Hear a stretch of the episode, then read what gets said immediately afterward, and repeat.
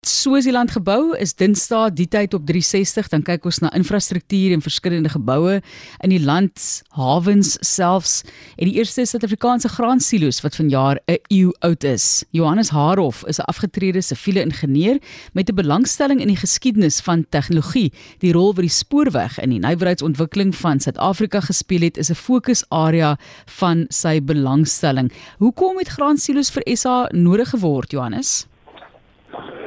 Ja, dit is 'n goeie plek om te begin om te dink hoe die boer van 100 jaar terug sy graan aan by 'n oorseese mark moes uitkry. Hy moes eers die goed plant, hy moes dit oes, hy moes dit stoor, hy moes dit beskerm teen vuur, water en peste. Hy moes ooreenkomste sluit, hy moes die goed in sakke pak, ossewaans, hawens toe en alles van die hand hanteer. En heel op die einde van die ketting het hy eers sy geld gekry. So met al hierdie struikelblokke is dit al verstaanbaar dat baie boere net maar net gesê het dis makliker om net graan vir my eie gebruik te plant. Maar die SA ekonomie hierna die boereoorlog daai tyd het die geld wat er nodig gehad want dit was net mynwese op daai stadium. Die landbouproduksie moes gestimuleer word. So die ouens het begin praat hier by hierdie wording al, moet ons nie silo's begin bou nie. Maar natuurlik toe kom die Eerste Wêreldoorlog en dit het die hele ding so 'n bietjie vertraag. En eers hier in 1919 rond, toe die ouens gesê, "Goed, kom ons dinge lyk nou beter, kom ons kyk of ons nie die stelsel aan die gang kan kry nie." Wat? Um, ja. Ja, goed, ja. Nee, jy wou byvoeg, is reg. Nee, mens kan natuurlik nie so 'n silo netwerk, 'n nasionale silo netwerk sommer uh, stukkie stukkie bou nie. Jy moet die hele ding gelyk bou want alles moet saamwerk. Daar moet silo's wees waar die boere hulle graan kon aflei. Jy moet 'n vervoerstelsel hê om die graan tussen die silo's te kan rondskuif en natuurlik dan moet jy groot hawe silo's hê om die goed oor te lei van uit die land uit in die skepe in sodat op pad op pad buiteland toe kan gaan. Die silo's moet natuurlik noodwendig langs die spoorlyne gebou word omdat dit die enigste praktiese vervoermiddel daai tyd behalwe die ossewa was. So is nie snaaks dat die ouens die spoorweë gevra het om hierdie eerste silo stelsel van die grond af te kry nie. Maar net in kort die hele stelsel het bestaan uit 34 klein silo's wat die hele land deur Transvaalstaat en Natal ag ja maar Vrystaat en Transvaal deur versprei is. Dis nou ou provinsies waar die graan ontvang is en dan was daar natuurlik 'n vervoerstelsel wat reeds bestaan het, die treine en dan moes daar twee groot hawe silo's in Kaapstad en Durban gebou word om die graan weer van die skepe af te haal en in die skepe te kry. Uh goed om dit aan te pak is natuurlik baie tegnies alles wat ek nou gesê het. Uh maar 'n komende groot uitdaging was die noodsaaklikheid om ons graan te gradeer. Op daai stadium was daar nie 'n nasionale uniforme stelsel waar volgens graan gegradeer is nie.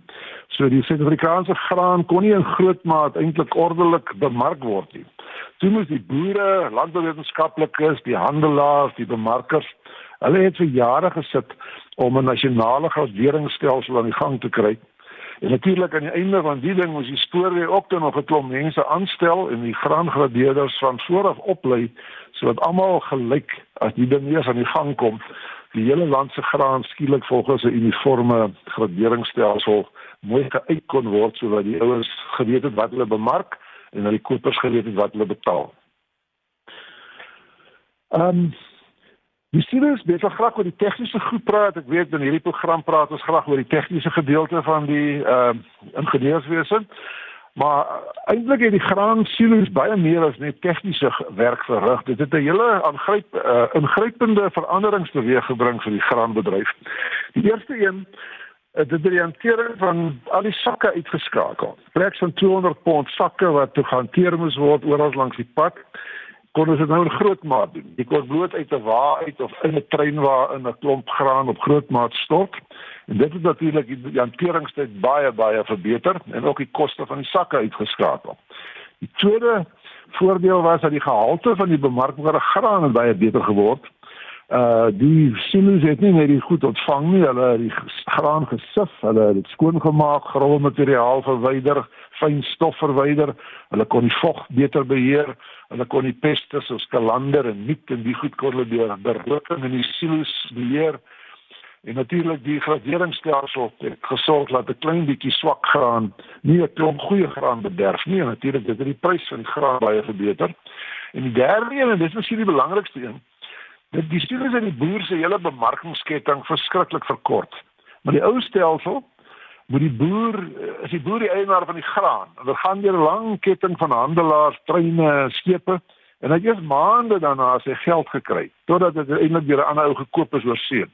Met die nuwe stelsel het dit gewerk, die boer as hy sy graan aflei, dan kry hy kwitansie en met daai kwitansie kon enige iemand na enige silo in die land toe gaan en dieselfde hoeveelheid graan weer aanvra uit die silo uit. Met ander woorde, vat 'n voorbeeld 'n boer in Bethlehem kon sy kwitansie verkoop aan 'n meelenaar sê maar in Ermelo.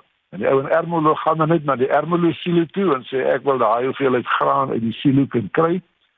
En natuurlik dit beteken dat die boere is onmiddellik betaal. Hulle het nie maande geneem om in die verlede om hulle geld te kry nie. So hulle verantwoordelikheid is ook beperk net tot die vervoer van sy eie graan tot by die naaste silo. Daarna was die verdere versorging en die vervoer iemand anders se probleem. Ehm um, hierdie stelsel het gewerk, hoor. Uh voor die silo's in werking geneem is, het Suid-Afrika 1.7 miljoen hektaar onder beplanting gehad met mielies en 1.2 miljoen ton se produksie gelewer. In 1930, 5 jaar nadat die silo's uh, aan die gang gekom het, is die produksie met 50% hoër gewees. Ehm um, goed, nou kyk ek vandag. Uh, die spoorweë het van die begin af gesê Die sielstelsel moet ideaal deur die private sektor gebou word, besit word en bedryf word. Maar natuurlik groot so groot ding kan nie deur die private sektor in gang gekry word nie. Dis hoekom die staat ingegryp het en gesê, "Goed, ons wil die stelsel in gang kry en so het hulle mettertyd die stelsel gefragmenteer en verkoop ensovoorts ensovoorts." Met die uitsondering van die hawe silo's in Londen. Die Havasilo in Kaapstad, soos julle weet, daaronder by die is die Zuidgalery vir, vir moderne kuns by die waterfront. Dit is die ou Havasilo en as jy mens ingaan en jy kyk op, daai futuristiese buise is niks anders as die ou graansilo se buise wat so uitgekalwe is en so wonderlike effekte skep daar, nie?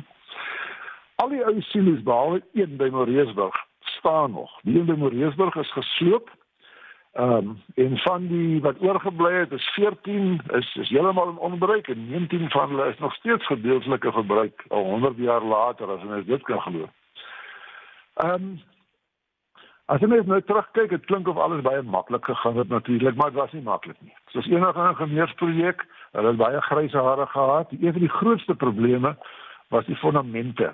Hierdie goed het geweldig swaar op die grond gedruk En hulle was baie versigtig daarmee, maar ondanks al die voorsorg, het dit nie lekker gewerk nie. In Kaapstad het hulle vreeslik met die water gesukkel, want dit het diep onder die seevlak uitgegrawe en hulle kon amper amper nie die water beheer wat in die gate ingeloop het nie. Maar Durban was nog slegter. Daar het hulle ding op heipale geplant. Dis maar net 'n klomp betonpale wat hulle die grond inkap en dan bou hulle 'n vloer bo-op. Daar het die goed begin versak toe hulle eers alreeds aan die bou was. Toe moes hulle die hele ding wat hulle toe al reeds gebou het afbreek, al die heipale uittrek, nie almal nie, maar 'n groot klomp van hulle, by die 400 van hulle. En toe moes hulle langer en sterker pale insit om die ding effektief oorbou, wat 'n geweldige uh, verleentheid natuurlik vir die spoorweë was.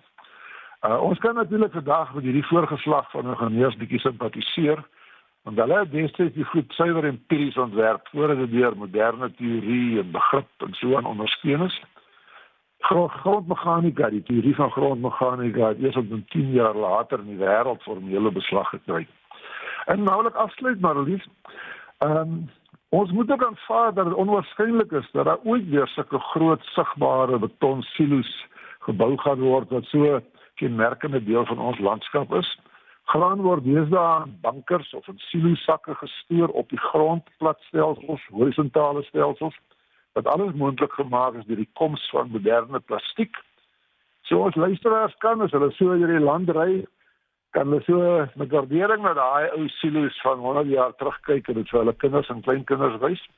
Hulle verteenwoordig 'n kosbare stukkie van ons ingenieurserfenis wat deels gaandeweg en mettertyd verseker gaan verdwyn.